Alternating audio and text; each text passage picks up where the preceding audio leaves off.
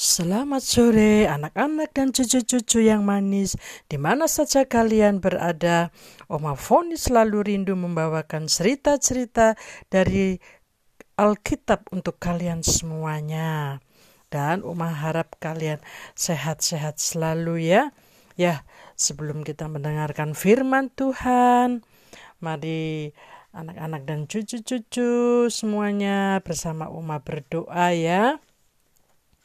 Segala puji syukur kami naikkan kepadamu ya Tuhan atas kasih setia yang mana anak-anak dan cucu-cucu dapat belajar dengan baik agar supaya mereka dapat melakukan kehendak Tuhan dan berbakti serta sayang kepada orang tua mereka. Kiranya Tuhan selalu memberi kesehatan dan kepandaian. Kami juga mau mendoakan kawan-kawan yang lagi sakit. Tuhan, tolong jama dan sembuhkan dari penyakitnya. Di dalam nama Tuhan Yesus, sembuh. Dan kawan-kawanku tertolong dan menjadi sembuh supaya mereka dapat kembali beraktivitas. Kiranya damai sejahtera dari Tuhan menyertai dan melindungi kami semua. Amin. Ya, pada sore hari ini Om akan bercerita mengenai pemberontakan Miriam dan Harun.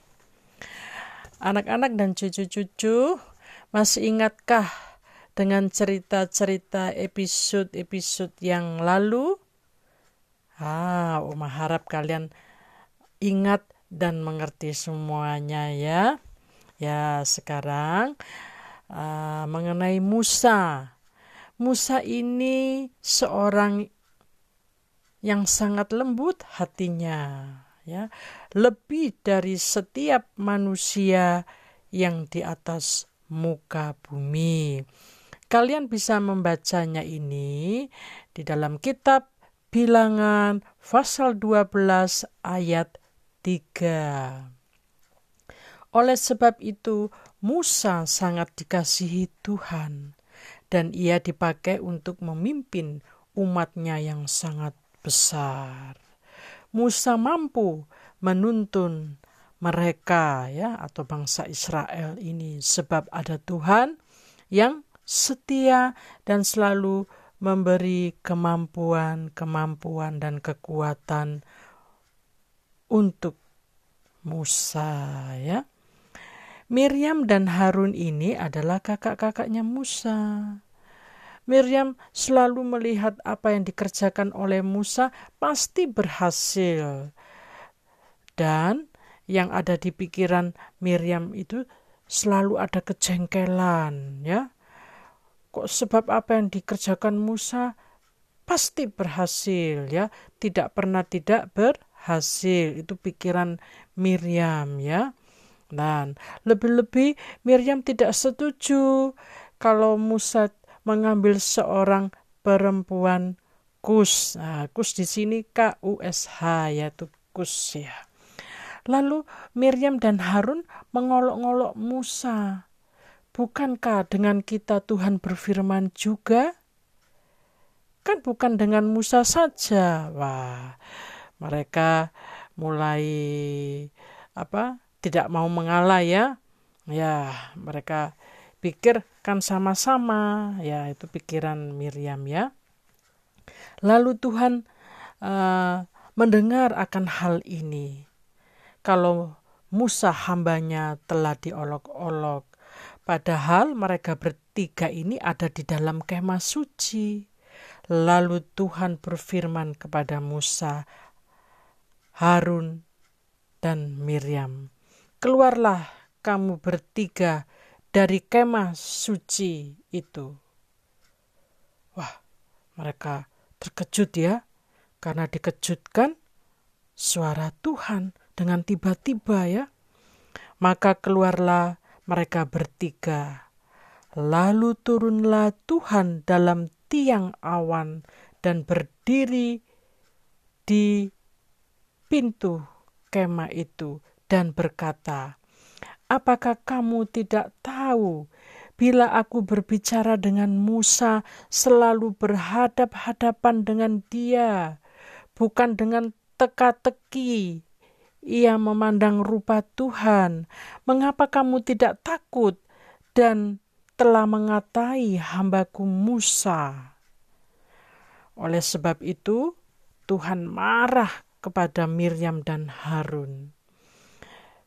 Ketika awan telah naik dari atas kemah, tiba-tiba tampak Miriam seluruh tubuhnya putih seperti salju. Ketika Harun menoleh dilihatnya bahwa Miriam dia ini kena penyakit kusta. Harun tahu jelas ya karena dia uh, pernah memberi keadilan bagi eh, orang-orang uh, Israel yang kena penyakit kusta. Sekarang dialami oleh saudaranya sendiri. Wah, dilihatnya Miriam itu, lalu Harun uh, berkata, ya, atau dia apa tengok-tengok mana Musa ini ya, wah di mana?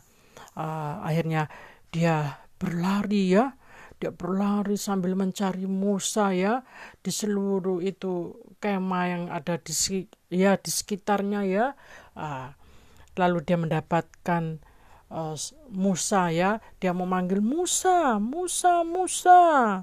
Tolong lihat Miriam. Dia sudah kena kusta. Tolong Musa berdoalah kepada Tuhan supaya Miriam sembuh Musa mendengar hal ini ia langsung berdoa ke kepada Tuhan. Lalu berserulah Musa kepada Tuhan, "Ya Allah, sembuhkanlah dia." Ini terdapat pada kitab Bilangan pasal 12 ayat 13. Doa Musa sangat singkat ya, anak-anak dan cucu-cucu. Lalu Tuhan berfirman, biarkanlah dia mendapat malu, dan biarlah dia merasa dikucilkan selama tujuh hari di luar perkemahan. Sehabis waktunya, dia boleh kembali lagi. Sedangkan bangsa Israel ini akan berangkat, tetapi tidak jadi disebabkan oleh Miriam. Ditinggallah selama tujuh hari, eh ditunggulah ya. Ditunggulah selama tujuh hari. Setelah selesai dikucilkan dari perkemahan ia menjadi sembuh dan kembali di perkemahan. Miriam sembuh karena Tuhan mendengar doa Musa. Setelah hal ini terjadi Miriam dan Harun tidak berani lagi mengolok-olok Musa. Berangkatlah bangsa Israel ini dari Haserot menuju ke padang gurun Paran, lalu mereka berkemah di tempat itu. Ya, demikianlah cerita dari Oma untuk anak-anak serta cucu-cucu semuanya. Lain waktu ada kesempatan pasti Oma sambung lagi ya ceritanya. Jangan lupa berdoa dan harus rajin belajar. Tuhan Yesus memberkati kalian semua.